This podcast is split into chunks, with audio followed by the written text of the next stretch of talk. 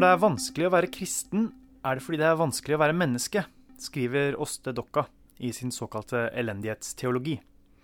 Du hører på podkasten Dokka fra Vårt Land, hvor min kollega Åste Dokka vanligvis snakker med en gjest hun er nysgjerrig på. Men i dag har vi bestemt oss for å gjøre det litt annerledes. For Åste har akkurat gitt ut en bok som er såpass interessant at jeg ble nysgjerrig på henne. Derfor har vi satt Åste på den andre sida av bordet i dag, slik at jeg kan snakke med henne om boka 'Leve vanskeligere en elendighetsteologi'. Mitt navn er Arne Borge, og jeg er kulturredaktør i Vårt Land. Velkommen, Åste Dokka. Tusen takk.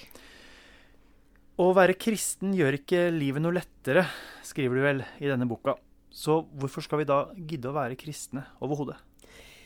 Eh, ja, når du stiller spørsmål på den måten, så er, eh, legger jo det til grunn en sånn typisk eh, en ting som er litt typisk for vår tid, nemlig en formålsrasjonell innstilling til det meste. At hvis noe skal være verdt noe, så er det fordi det gir en annen avkastning i andre enden.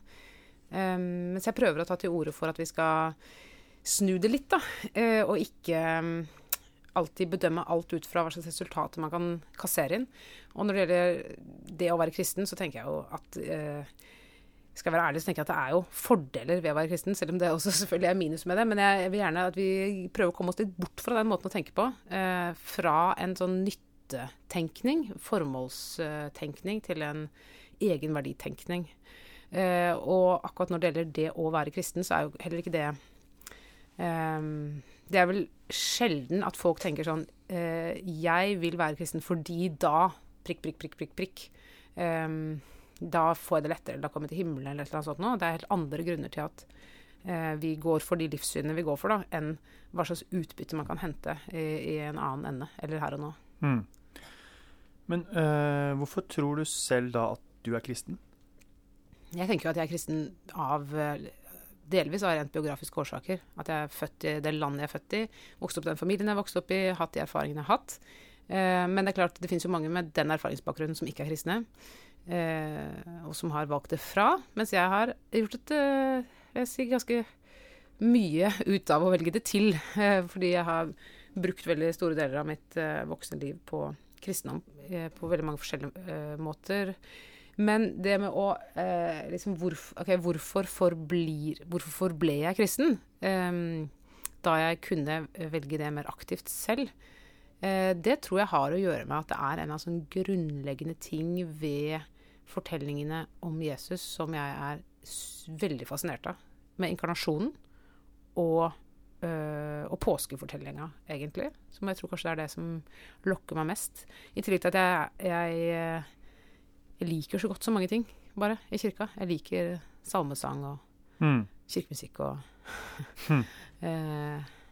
Mm. Mennesken, mennesker og fellesskap og mm. Men dette skriver du også om i boka, og det omtaler du vel på en måte som mer som kulturen rundt. Uh, man kan vel Altså, ja. Men ikke troen uh, uh, Ja. At det har, det har, mer med kultur å gjøre enn en med noe annet? Ja. for det er klart, kristendommen er jo ikke bare en sånn ren eh, tro på Gud. Det er jo eh, veldig mye mer enn det. Og, og, og, de tingene som jeg har Eller i hvert fall flere av de tingene som jeg har nevnt nå, er jo snakk om en måte kristendommen mer enn Gud. Altså hva kan kristendommen gjøre for meg, mer enn mm. hva kan Gud gjøre for meg. Eh, så det tenker jeg er verdifullt å skille. Og for min del så har jo kristendommen veldig stor effekt og betydning i livet mitt. Jeg vet ikke hvor stor effekt eh, som kan tilskrives liksom Gud direkte av det, og hvor mye som handler om liksom den menneskelige kulturdan kulturdannelsen rundt eh, kristendommen, da. Mm. Eller rundt åpenbaringen, eller hva man skal kalle det der eh, punktet. Du snakka om eh, fascinasjonen for eh, fortellingen om Jesus eh, i stad. og Det er også noe som går inn i boken. du snakker mye om altså den kraften, kanskje også visdommen, som ligger i de, um, i de, fortellingene, eller at de fortellingene gir oss en, noen nøkler til å fortolke våre egne liv, kanskje. Uh, men eh, da kan man jo spørre seg også Det er jo altså alle verdensreligioner, og vi har norrøn mytologi, gresk mytologi. Hva er det som gjør kristendommen bedre, hvis, hvis, religionen på en måte først og fremst handler om å by på fortellinger? eh, jeg vet ikke om jeg er interessert i å liksom rangere kristendommen som bedre eh, enn andre religioner eller fortellingsunivers. Og jeg ser ikke noen motsetning mellom å forholde seg til f.eks. norrøn mytologi eller gresk mytologi og kristen, eh, kristne fortellingsuniverset samtidig. Det, det kan man absolutt hente inspirasjon fra, helt uavhengig av hva man tror på. da. Og det tror jeg jo skjer i veldig stor grad i allmennkulturen, eller kanskje skjedd mer, men det skjer fortsatt, at, eh, at filmer og bøker osv. henter elementer fra eh, fra det kristne fortellingsuniverset. Ikke, for, ikke av liksom bekjennelsesårsaker, men fordi det rett og slett gir mening på et eller annet nivå. Mm.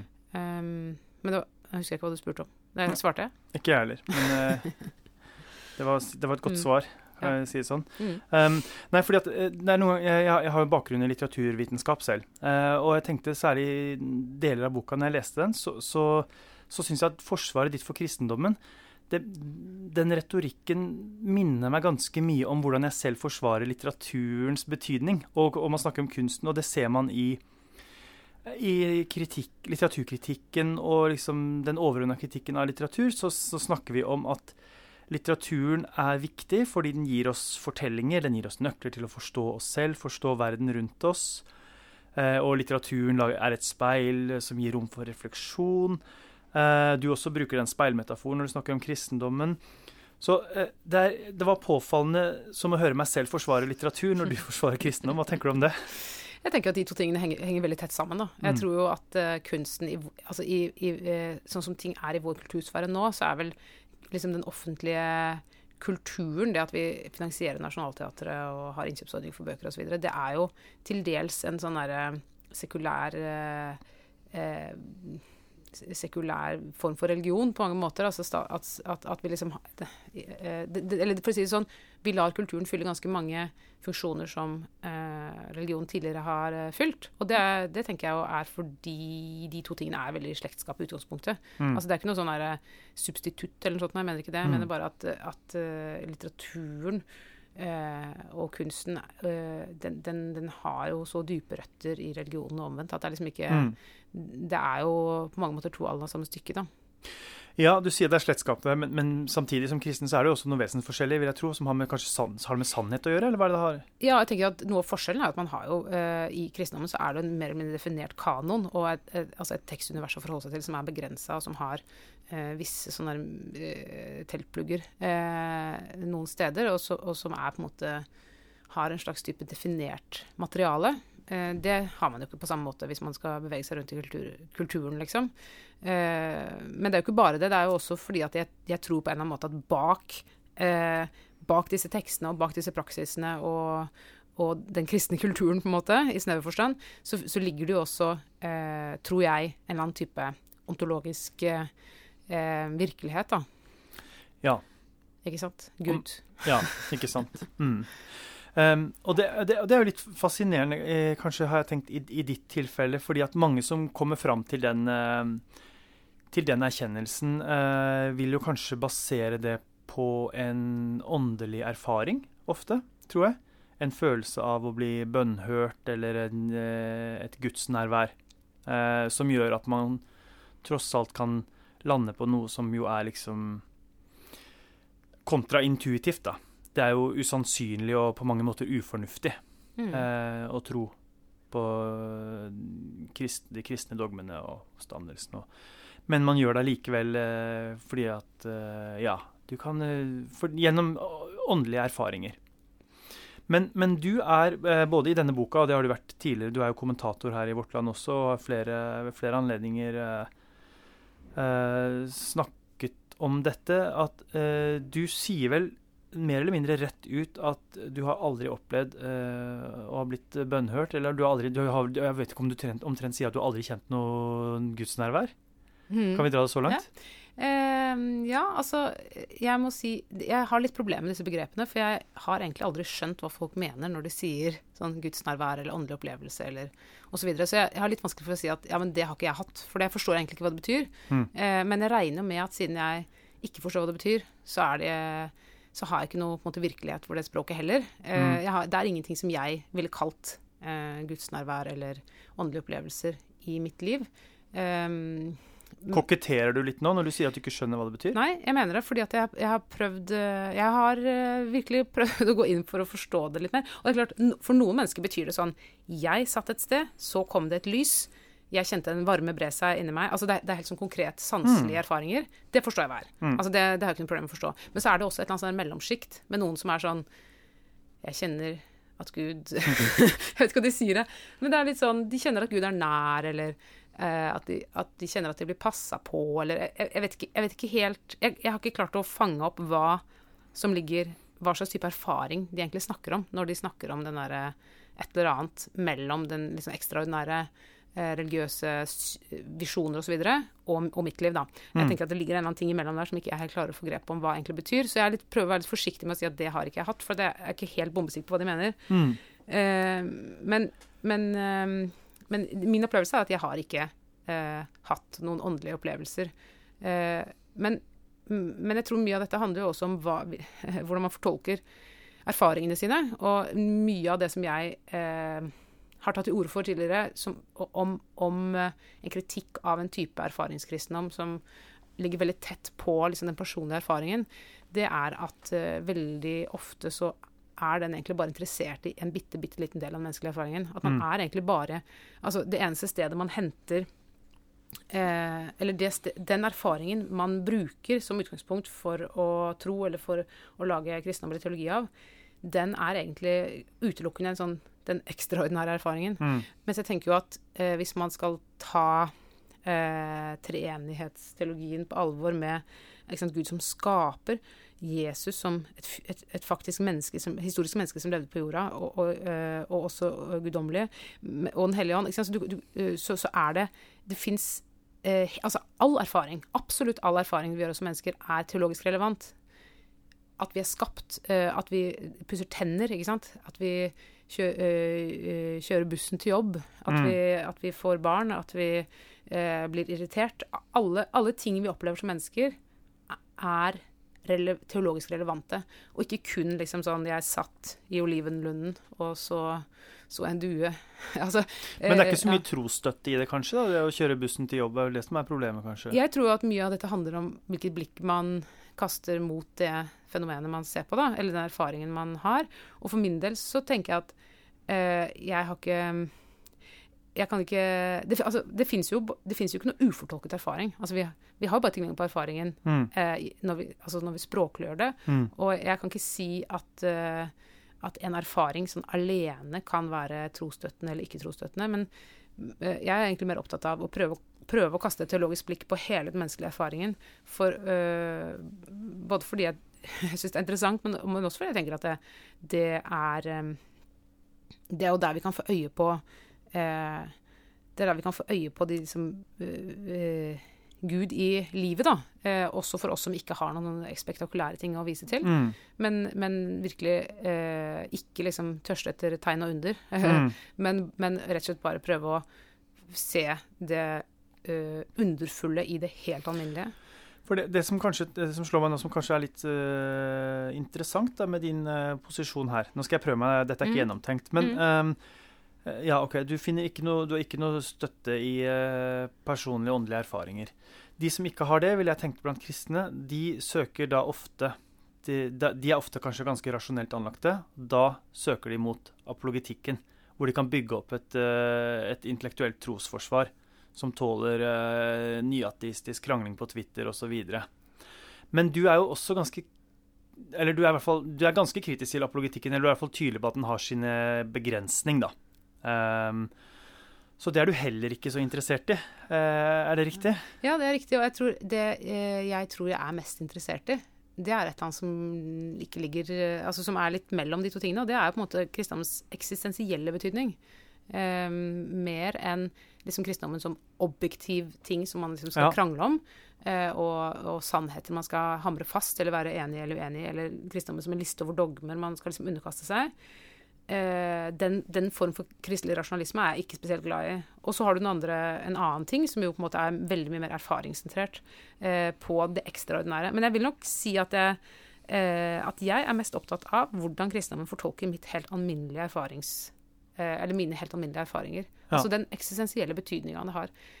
nå er nok jeg sikkert akkurat like sånn eh, hodevridd, liksom, som de som er veldig opptatt av apologetikk. Altså, jeg, At du er litt cerebral, på en måte. Ja, litt sånn er- hjernekristendom ja. mer enn hjertekristendom, hvis vi skal uh, være litt ja, men jeg tenker at det er jo uh, Jeg tenker at uh, det finnes jo ganske mange mennesker som er sånn skrudd sammen. Mm. At vi kanskje ikke har sånn kjempesterkt følelsesliv, eller, eh, eller lever liksom veldig sånn i, i Mm. ekstasen og de, de Ja. dype dalene osv. Og, så videre, og, og har hvor enormt mye av det som er interessant for oss selv i livet vårt, er det som skjer inni hodet vårt, rett og slett. Mm. Og ikke så mye eh, å reise til Paris eller eh, oppleve et eller annet, eller være på en konsert, men det er et eller annet, et eller annet inni huet da, som er, er det interessante. Og det er jo like legitimt, det, som alle de andre måtene å leve på. Mm. Så jeg tenker at eh, jeg er ikke jeg, ikke, jeg, skal, jeg skjems ikke for å skrive fram en cerebral kristendom, da, for jeg tenker at den kan, eh, den kan jo kanskje være fin for noe. Mm. Mm. Mm. Um, skal vi se her. Jeg tenkte på eh, noe du skriver om eh, kristendommens eh, tilknytning til, til den verden vi lever i. Eh, du skriver da Det går ikke an å sette to streker under kristendommen og bli ferdig med det. Den har en usikker tilknytning til den verden vi lever i, og den unndrar seg både bevis og angrep. Det er jo litt, går litt kanskje i forlengelsen av det du snakka om her nå, om apologitikkens begrensninger, kanskje, eh, vil jeg tenke da. Uh, og det jeg lurer på da, Du åpner vel boka med et Kjerkegård-sitat, hvis jeg husker riktig. Og nå er ikke jeg noen, virkelig ikke noen Kjerkegård-ekspert. Ikke jeg heller. Nei, men kanskje et knepp over meg vil jeg gjette Ja. Um, men uh, det er jo kjent, dette trosspranget til eh, Kjerkegård. Eh, som vel er eh, ja, at, eh, at man bare må gi seg hen. Eh, om det er fornuftig eller ikke, så er det det. Det, det må til for å bli kristen. Er det, er det på en måte det Er det det Er det liksom en, en er, du, er du med på den kjerkegårdske spranget? At det er det som må til? Ja, eh, noen dager så tenker jeg også sånn. Jeg tenker at det fins veldig mange ting som er riktig å si om hva tro er for noe. Og en av de tingene Og som til, til dels er ensidig utelukkende, egentlig. Men jeg tror en av de tingene er, er å si med Kjerkegård at det, eh, det er på en måte et, et valg du er nødt til å ta. Og så må du bare eh, tenke at det har ikke nødvendigvis Det er ikke nødvendigvis fordi det er trygt å ta det valget, eller, eller uten risiko, eller sånt, men det er, Mm. det er et valg du tar. Eh, Litt som valg av ektefelle, på en måte? ja, ja, kanskje det. Eller Uten sammenligning for øvrig? uten eller- sammenligning for øvrig. Ja, men altså at du, du Det er eh, Det er rett og slett bare opp til deg hva, du, hva, du, hva din egen vilje da, Mm. eh, til å tro noe. Eh, og, og det er i og for seg Det er også noe lett altså Selv om det høres dramatisk ut, så er det også en veldig sånn lettelse i det. For Ja. det, er, det, det, det handler om trosviljen din, Ja. ikke om eh, noe annet. Eh, Det handler ikke om liksom, evnen, hvor from du er, eller Men det høres eh, ikke så veldig din, det hø- eller- ja. Unnskyld, nå avbrøt jeg. Det høres ikke så gledesfylt og heller ikke Kirkegård er jo eh, det tristeste. Eh, ikke mye jubel og, Ikke noe. Nei. kanskje. Jo, det var han sikkert, altså, men når man leser det han skriver, så virker han jo eh, dypt deprimert, egentlig. Stort sett eh, hele Mm. tida.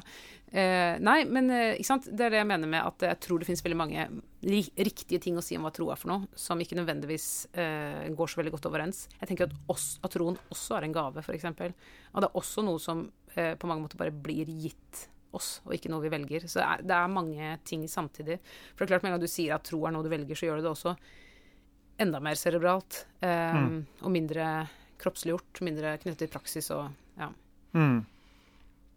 Men altså, det, du, det handler litt om å binde seg til masten, da, er det det du sier? Det høres jo også litt sånn eh, gledesløst ut, Ja men, men, ja, men for meg er det egentlig eh, sånn frigjørende, tror jeg. Det hender at eh, man leser sånne tekster om folk som tviler, og er liksom fram og tilbake, og veldig veldig sånn intenst i undring, og, og, og, og veldig åpne, og aner ikke hva de eh, Mm. Den ene dagen så er det det ene, den andre dagen er det andre. Det er helt greit, altså. Men jeg, jeg syns at det er utrolig slitsomt å Mm. være i det hele tida, og det er noe veldig uforpliktende eh, ved å bare være så åpen at du ikke tar stilling. Eh, så jeg liker jo forpliktelse. Jeg Mm. liker å si sånn Jeg er medlem av dette partiet. Jeg har dette livssynet. Mm. Jeg, eh, jeg spiser denne maten. Altså, Mm. jeg gidder ikke å drive og ta omkamper hele tida på alle mulige Ja. sånne ting. Synes er, og jeg syns det er noe sånn utrolig eh, kan bli veldig selvsentrert og drive og gnure så innmari på Ja. hva man egentlig tror på hele tida. Bare ta det valget og meld deg inn i den kirka og bli ferdig med det. Mm. Og så kan du heller innenfor det eh, lure på eh, Ja, hvordan er det nå egentlig? Ja. Men det er noe med liksom Skal jeg gå til Lilleborg eller til Sagene kirke? Sånne type store spørsmål. Så Ja. de store spørsmål Nei, jeg tenker at eh, det betyr jo ikke at jeg mener at jeg ikke tviler, liksom, eller et eller annet i den forstand. Eh, Det er klart det er mye eh, teologisk uro i meg, selv om jeg veldig, har en veldig klar kristen identitet. Mm. identitet. Men det er noe med å liksom ikke Det er så deilig å slippe å være tenåring, da. Det er kanskje det det handler om for meg. At det er Det minner meg om, Vi hadde, Ja. vi hadde jo et intervju med, med Geir Gundersen ganske nylig i denne avisa, i forbindelse med at han gitt ut en bok om han holdt radioandakter i 40 år. Uh, og det også var uh, en, Det kanskje mest befriende med det intervjuet, var vel nettopp litt det du sier nå med Han sier vel nesten rett ut at han aldri har tvilt. Han, har, han virka helt uinteressert i tvil. Uh, og det syns jeg var veldig flott, fordi at det er veldig langt fra hvordan jeg selv tenker om det. Det er nå én ting. Eh, men eh, det er jo også Det føles jo litt Jeg føler meg jo litt jålete når jeg tviler, på en måte. Fordi at du, du er jo redd Du virker jo litt dum hvis du ikke sier at du tviler på noe som jo er så irrasjonelt. Da må du vise at du har tatt den runden. Eh, så det, det å på en måte Det å tvile nesten, føles nesten nødvendig som et tenkende menneske, å vise fram tvilen sin. Ja. Du skal liksom være nyansert og ikke ha gjort noe intellektuelt underslag. Jeg, jeg kan kjenne lysten til å si det når, jeg, når folk skjønner at jeg er kristen, og jeg føler at jeg må si noe for å redde skinnet mitt, så ikke de skal tro jeg er idiot, liksom. Mm. Så, så føler jeg at jeg må si sånne ting. Men, Mm. men jeg har funnet ut at det ikke egentlig er helt sant, og at det også liksom er noe sånn utrolig defensivt med det. Det er jo som å si sånn Har du kjæreste? Ja, jeg har kjæreste, men altså Det er litt vanskelig akkurat nå. Slutt! Ja eller nei? Og så kan du på en måte holde den eh, tvilen for deg selv, liksom. I, ja. Hvordan, hvordan har de kampene vært opp gjennom, eh, opp gjennom årene? Du har jo vært eh, kirkegjenger fra du var barn, vil jeg anta. Du vokste opp i en prestefamilie og vært aktiv. Du skriver vel om det i boka, også vært aktiv i forskjellig menighetsarbeid fra, fra du var så lenge Ja, fra hele, hele livet. Eh, hvor- hvordan, hvordan har disse liksom, kampene vært dette med tros Å være liksom en slags, sikkert en trosambassadør, eh, å være en slags Sikkert en minoritet da, som, som veldig sånn eh, eksplisitt kristen på Nordstrand, er det ikke det? Bekla jeg kommer fra Bekkelaget. Bekkelaget, ja. Nei, um, som, ja, jeg skriver litt grann om det i boka. Det har jo ikke, uh, har ikke alltid vært bare lykke, dette her. Jeg har jo hatt masse sånne der kriseperioder, i, men det er kanskje mer sånn i, før jeg ble 20 ehm, enn etterpå. Uh, og da er jo alt kritisk, så det er liksom ikke noe spesielt ved det at man syns det er vanskelig med tro. Syns du det var gøy å krangle med ateister? Eh, ja, noen ganger. Det Mm. tror jeg nok jeg syntes eh, eh, periodevis. Eh, det er jo gøy å krangle, det var mest, men mest fordi jeg syntes det var gøy å krangle. Mm. Eh, det er gøy med en god diskusjon, liksom. Mm. Men eh, jeg må jo si at jeg, egentlig, selv om jeg vokste opp i Oslo og eh, ja, eh, så, så følte jeg aldri vel at eh, det å være kristen var så innmari rart. Fordi at vi, i den klassen jeg gikk på barneskolen, så var det mange andre barn som kom fra tilsvarende familier, og vi Ja. sang salmer i kristendomstimene. Det var liksom ikke det var ikke like mye utskudd da, som seinere i livet, eh, Mm. hvor du plutselig skjønner at det var nok en rar liten boble akkurat der. Mm. Men så kom du inn i det- dette ekkokammeret vårt land og kunne fortsette å være Kunne fortsette å være mm. eh, tro midt om verden. um, Det er uh, et uh, moment kanskje som jeg syns er litt uh, vanskelig i boka di, eller som jeg har lyst til å diskutere. Og det er dette med ønsket om å bli en bedre kristen, eller kanskje også for den saks skyld et bedre menneske. Um, det er Du, du skriver f.eks. Jeg skal lese et litt lengre sitat her. Det hender fortsatt at jeg kjenner på fristelsen til å sette i gang med noe kristen praksis for å bli et bedre kjent med Gud, meg selv og troen. Men stort sett er jeg i dag forsont med at bønn og bibellesing ikke gjør meg til et bedre menneske eller en bedre kristen. Jeg har aldri kjent noe gudsnærvær eller fått noen særlig åndelige opplevelser, uansett hva jeg har gjort. Dette berører jo litt det vi nettopp snakka om, men Mm. denne med eh, Boka di er jo altså en elendighetsteologi. Det er jo en eh, slags eh, holdt på å si, en slags eh, anti-herlighetsteologi. Eh, det som ligger bak der. Eh, men så krist, det å være kristen gjør det på en måte, det gjør ikke livet lettere. Det er nå én ting. Det kan, det kan man jo akseptere. Men det som kanskje er vondere, er liksom at det virker nesten som om du mener at det heller ikke gjør deg til et bedre menneske. Jeg tror jo virkelig ikke at uh, noen statistikk kan støtte opp at kristne er snillere enn andre folk. Uh, eller bedre mennesker enn andre folk. Eh, jeg tror at det finnes eh, absolutt kristelige folk som Eller folk som har blitt bedre mennesker av å, av å bli kristne. Eh, det tror jeg finnes. Men jeg tror også det finnes enormt mye eksempler på ukristelighet, eller umoral, hvis vi snakker om moral, da, umoralske ting, i kjølvannet av kristendom. At kristendommen jo legger til rette for en viss type umoral, i likhet med alle andre tankesystemer som legger til rette for andre typer umoral, så tror jeg kristendommen bærer i seg potensialet til både vold og andre ting. Um, men det, det, er kanskje litt mer på sånn historisk og samfunnsplan enn det egentlig handler om meg. da. Ja. For du er kanskje mest interessert i liksom det eksistensielle her. Ja, det er det Men det er det moralske på. du mm. tenker på når mm. du snakker om å være et godt menneske. Det er ikke liksom en eller annen type kvalitet. Ja, nei, jeg tenker på det moralske. moralske. Mm. Uh, ja, jeg uh, At du finner en støtte til å gjøre det du tenker er det rette da, i, uh, i Guds uh, forholdet ditt. Mm. Jeg, jeg, mener at den etikken, den etiske sida av kristendommen, ikke er en eh, ting som er spesifikk for kristendommen. Altså, det, jeg tror at du kan komme fram til akkurat de samme eh, etiske konklusjonene og motivasjonene eh, å, du, eller, ikke, eller, en ikke-teologisk etikk kan liksom være minst like bra, og motivasjonen kan være minst like høy mm. uh, utenfor, uh, utenfor kristendommen, da. Um, og jeg tror ikke jeg tror, uh, ja, jeg tror ingen ville på en måte vunnet en konkurranse i godhet bare fordi de var kristne. Men selv om det fins liksom absolutt eksempler på at uh, kristne folk har gjort helt fantastisk uh, selvoppofrende ting. Um, men igjen, du snakker liksom om Du vil liksom enda nærmere, ikke sant? Jeg tenker på en måte bare at hvis, hvis jeg går uh, mm. Når jeg går ut av gudstjenesten da halv ett på en søndag, mm. så føler jeg meg oppløftet. Og, ja. og liksom klar for å virke for det gode i verden da, på en annen måte enn jeg gjorde to timer før. da. Ja. Og det, og så klart, da kan du si at det er en kultur, det er, det, det er jo mye kultur i det.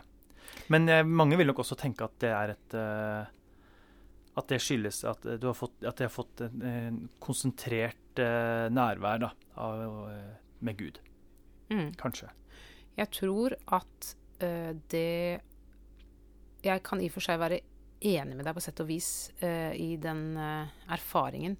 Jeg tror at ved å gå inn i kirkerommet, eller en eller annen type sånn konsentrert kristelighet. da, uh, Spesielt de gangene man uh, opplever at man legger, altså, legger, fra seg et eller annet i synsbekjennelsen, eh, får tilgivelsen og kan gå ut liksom Tjene Herren med glede. Ja, det skal jeg gjøre nå. Jeg fikk velsignelsen, nå skal jeg ut og tjene Herren med glede. Mm. Topp. Mm. Jeg kan, jeg, kan, kjenne igjen det, og jeg tror det er motiverende, og jeg tror det er en bra ting, og jeg tror vi, det er godt mentalhygienisk. men det er ikke sikkert at du er noe liksom, snillere den uka enn du ville vært, mm. eller en andre uker osv. Så, så Så jeg tror at Hvis man kan tenke man, jeg, tror, fra, jeg, tror, egentlig det er kanskje mer terapeutisk enn det egentlig å være kristen. En, altså terapeutisk positivt enn etisk positivt, da. Hmm. Hvis man først skal snakke ja. om det på den måten. At du føler deg som et bedre menneske, men du blir det kanskje ikke? Er det det du sier? ja, det er forferdelig hvis Kristian får deg til å føle deg som et bedre menneske uberettiga. Men eh, kanskje vi heller skal si at man kan på en måte Man finner noen redskaper til å ha det på en eller annen måte bedre, selv om man ikke nødvendigvis agerer så mye bedre, eller, mm. eller omdannes. Ja, jeg vet ikke. Dette er jo litt sånn derre uh, Veldig avhengig av hvem som snakker, og hva slags type erfaringer ja, man sitter på. Men nå er det jo du som mm. snakker, da, tenkte jeg. Det var jo det var ja, poenget med ja, ja, samtalen. Da. Har, er jeg noe snillere enn jeg ville ha vært hvis jeg ikke hadde vært kristen? Jeg tror faktisk det. Jeg tror du er det, ja. Jeg tror faktisk jeg er det. uh, men, uh, for, men, uh, det, og, men, det, tenker jeg jo er en generell ting. Jeg vet ikke om det er spesielt knyttet til kristendommen, men det er det for min del. Det er jo det å bli holdt hele tida holdt fast i idealer. Det å liksom mm, hele tida bli minna på mm. viktigheten av andre mennesker og av eh, liksom kallet, da, som mm. er helt ufravikelig. At det liksom Det, det viker ikke. Det, det, det, bare står og dirrer hele tida. Det tror jeg har en for meg en veldig sterk disiplinerende effekt. Ja. Og det trenger eh, ja. du hele tiden, fordi du skriver jo i boka vi klarer ikke å disiplinere oss til et liv i idealtilstanden i mer enn korte øyeblikk av gangen. Så den påminnelsen må jo, bare, den må jo komme igjen og igjen og igjen. og igjen da. Måtte, ja, i hvert fall for en del av oss. Det er jo ja. ikke alle som av seg selv bare er så utrolig milde og snille. Så du er ikke den leiren som så du er ikke Rousseau på en måte som tenker at mennesket er grunnleggende godt fra naturens side, og så kommer sivilisasjonen og ødelegger det. Her er det litt sånn motsatt, nesten. da. Du, du, trenger, du trenger, et overjeg eller noen som, noen som, minner deg på hva du burde gjøre. Jeg tror ikke at mennesket eh, er eh, Jeg tror mennesker fra begynnelsen av er syndige, eller underlagt syns, synsvilkårene. Eh, Det skriver jeg også ganske mye om i boka. Mm. At det er ikke sivilisasjonen eller slemme mennesker eller dårlige oppvekstvilkår eller eh, hva, hva som helst som ødelegger menneskets godhet. Vi hadde vært liksom kjempegode hvis ikke det hadde vært for sånn og sånn og sånn. Jeg tror det er liksom Det er et ufravikelig vilkår ved menneskelivet. Mm. Vi lever under syndens kår. Det har vi til dels skyld i, til dels er vi ikke skyld i det, men utsatt. Eh, men det, det, det mener jeg er helt eh, Det mener jeg også, også at man absolutt kan mene uten å ha noe spesielt eh, kristelig utgangspunkt for å mene Mm. det. At eh, eh, mennesket er eh, Står under vilkår som gjør at vi ikke bare er gode. Det var bra du tok opp det ordet, for det, vi, er, Mm. vi er nok nødt til å komme litt inn, innom det. Eh, det er jo en veldig viktig del av boka di, dette synsbegrepet. Du er jo en som vil eh, Du vil rehabilitere synden, tror jeg man kan si. Og, og dette har vel en følelse av nå som Vårt Land leser, at du er ikke helt alene om det heller. Jeg, føler at det er en litt sånn synd-revival blant, eh, blant eh, kristne i Norge. Er du enig i det? Ja, det er jeg enig i. Jeg skriver også litt om det i boka, at det virker som det begrepet får mer vind i seilene. Mm. Og det er det jo gode grunner til. Jeg tror at det er en som pendelslag, da. At eh, man har jo hatt eh, i Norge, og mange andre land selvfølgelig, en en sånn sterk pietistisk eh, eh, betoning av eh, synd, hvor det har på en måte vært en personlig, individuell feilstegssyn. Altså hva som skjer under dyna, hva du eh, Ja. Ikke sant? Og så har man eh, den mørke, undertrykkende, pietistiske måten som har, man i stor grad har snakka om synd på i Norge. Mm. Eh, den ønska jo man å komme bort fra. Mm. Velmenende, ålreite prester ville åpne dørene og gjøre at alle følte seg velkommen og ikke syndige og skitne. Mm. Fikk de det fint? Men nå er vi på en måte der at vi kan begynne å snakke om synd på nytt. Løsrevet fra eh, liksom intimetikken, da. Og- Eh, Hva, er det vi, hva er det vi mister når vi ikke snakker om synd? Jeg tenker at vi mister jo kompleksiteten i menneskesynet. Jeg tenker jo, En ting er jo med kristendommens eh, svinnende påvirkning på kulturen, handler jo om eh, Gud. Men eh, vel så viktig syns jeg jo det er å tenke på hva som skjer med hvordan vi ser på mennesket. Eh, fordi jeg tror eh, synsbegrepet har en enormt stor forklaringskraft når det gjelder hvordan vi analyserer menneskelivet. Jeg syns det er veldig relevant nå. eh, i sånne statuedebatter og spørsmål om hvilke fordums storheter vi kan ha tillit til osv. At vi kan si altså at, vi, eh, vi ser jo den tendensen i samtida til, til å gå til det veldig sånn rene mennesket. Man ønsker seg liksom det gode mennesket, og hvis ikke du har gått god tvers igjennom etter våre, vår tids standarder, så kan vi liksom ikke bruke deg til noe som helst. Da er du bare forderva. Mm. Mens jeg, jeg mener at eh, vi må bort fra den der mennesket er godt eller ondt. Det handler ikke om eh, måte den slags type etisk eh, eh, inndeling. Du kan si 70% godt, 30% ondt. Det er ikke det. Det er synd som et vilkår, som en avstand mellom ideal og realitet, mellom Gud og menneske, mellom menneske og menneske, eh, som setter oss i en posisjon hvor vi har del i det som er eh, destruktivt, alle sammen. Og det kan man jo øh, Hvis man på en måte har den tanken med seg, alle mennesker har del i noe som er destruktivt, så er det også lettere å forholde seg til øh, andres brister, da. Mm. Og dette skriver du litt om. Du eksemplifiserer en del i pedagogikken og i menneskesynet som vises i skolen. Har du lyst til å si noe om det? Dette, denne 'du er god nok som du er'-tankegangen? Som du er litt Du du kommer med litt frisk, frisk kritikk av det man En litt sånn kontraintuitiv kritikk av noe man tenkte at var udelt godt. Da kommer du og heller litt malurt i begeret. Ja, nei, det er en kritikk av god, 'du er god nok'-tankegangen. Det et kapittel som heter 'du er ikke god nok'. Eh, det, det er jo ikke for å si noe kjipt om folk, men det er jo nettopp fordi at det, den insisteringa som hele tida kommer fra f.eks. skolen da, eller fra ukebladene om 'du er god nok', den er veldig dobbeltbunna. Fordi det er ikke den eneste kommunikasjonen som kommer fra skolen eller fra Mm. ukebladet. Det, den andre kommunikasjonen er jo karakterkortet ditt Mm. Eller slankekuren som står i Mm. det samme ukebladet. Eh, og det at man prøver At skolen, da, for å snakke om den, eh, vil liksom mildne ubehaget en elev kan få ved å ha fått en toer i matte, ved å skrive et brev ved siden av hvor det står du må ikke tenke så mye på karakterene dine, du er god nok akkurat som den fantastisk flotte vennen du er, osv. Mm. Det tenker jeg er en, då, altså det en dårlig Det er for det første en ekstrem dobbeltkommunikasjon. Og for det andre en dårlig eh, melding å gi. Mm. Eh, fordi det er ingen som vet hvilken standard man egentlig opererer etter når man sier at noen er god nok. Eh, det at du har fått to i matte, viser faktisk at du er ganske dårlig i matte. Um, og så videre. Men hvorfor gjør skolene det her, da? Jeg tror de gjør det fordi de syns det er, er eh, Er det vanskelig å forholde seg til at, man, at vi som mennesker ikke er gode nok? Jeg tror det er kjempevanskelig å si til en elev du er dårlig i matte. Mm. Eh, Det tipper jeg det er. Mm. Eh, og man har ikke lyst til at eh, ungdommen skal eh, basere hele sin selvforståelse på prestasjonene sine.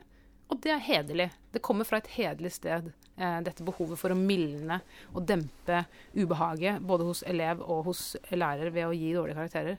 Men hvis målet med opplæring er at barnet eller ungdommen skal bli god i matte, eh, og man eh, rett og slett har noe som heter karakterer, så må man finne en annen måte å snakke om det som er ubehagelig i dette på, enn å late som om ikke karakterene betyr noe. Mm. Jeg eh, vil ta en liten tur eh, tilbake igjen eh, til dette med selvdisiplin og eh, si kristendommens kraft eller manglende kraft til å, til å gjøre oss eh, litt, eh, litt bedre før vi, før, vi, skal runde av her.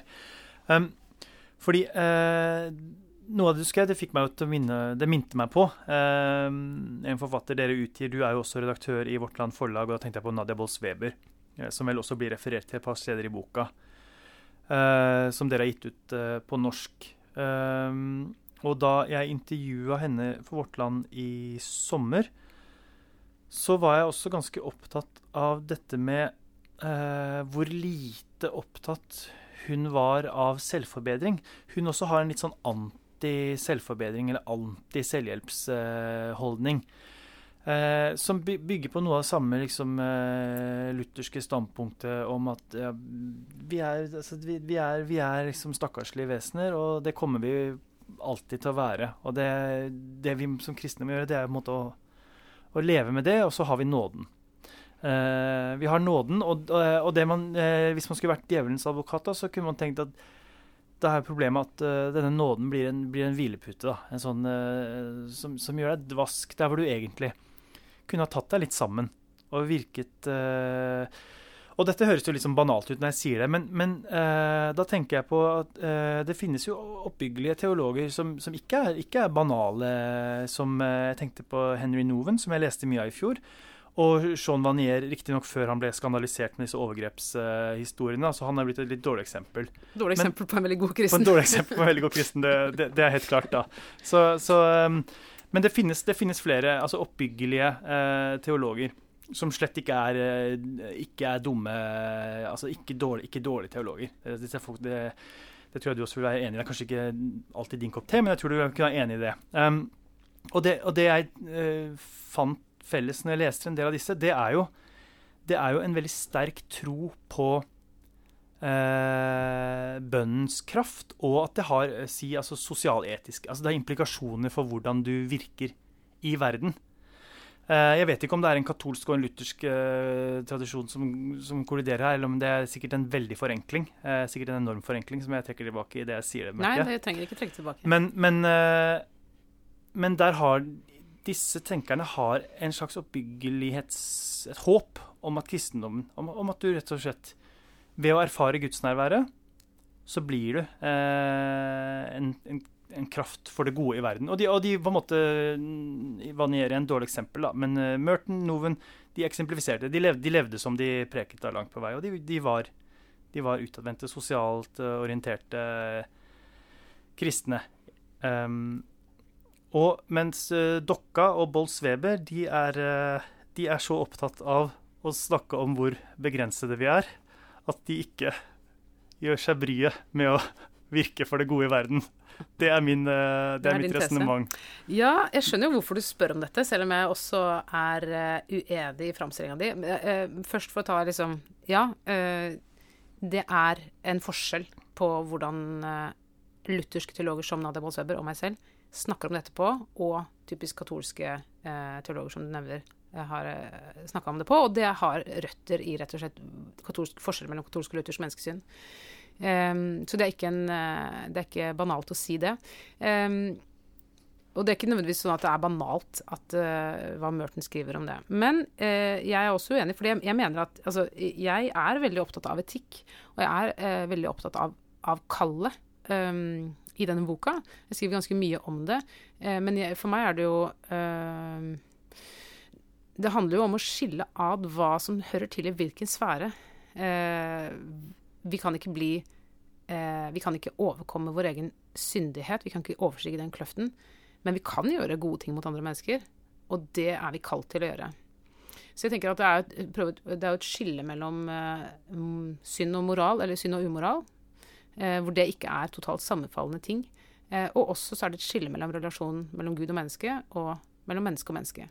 Så det stedet hvor vi skal yte, eh, yte kallet vårt, da, det er overfor medmenneskene våre, ikke overfor Gud. Eh, vi skal slippe å frelse oss selv, og heller gjøre alt vi kan for å eh, være gode medmennesker. Og det, det, mener jeg er et dypt kristent etos, eh, som jeg skriver eh, en del om. Men jeg er nok det virker som du også har en slags uh, tanke om noe nesten litt sånn magisk når du sier, du sier at du kan bare en måte via tro eller gudsnavn koble deg på en eller annen strømkilde hvor det skjer et eller annet.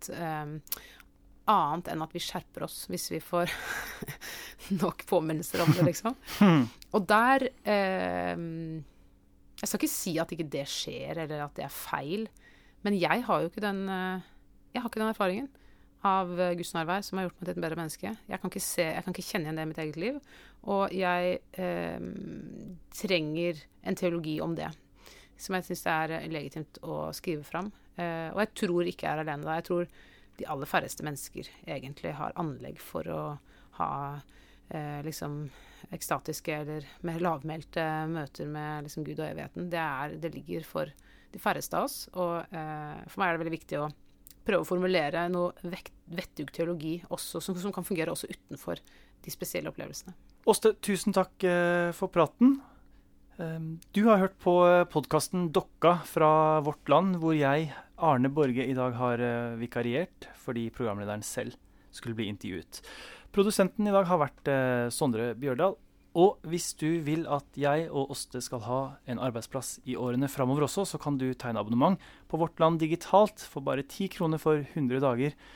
Du kan lese mer om disse vilkårene på vlno-tilbud, og denne lenka finner du også i beskrivelsen av denne podkastepisoden på spilleren din. Ha en fin dag.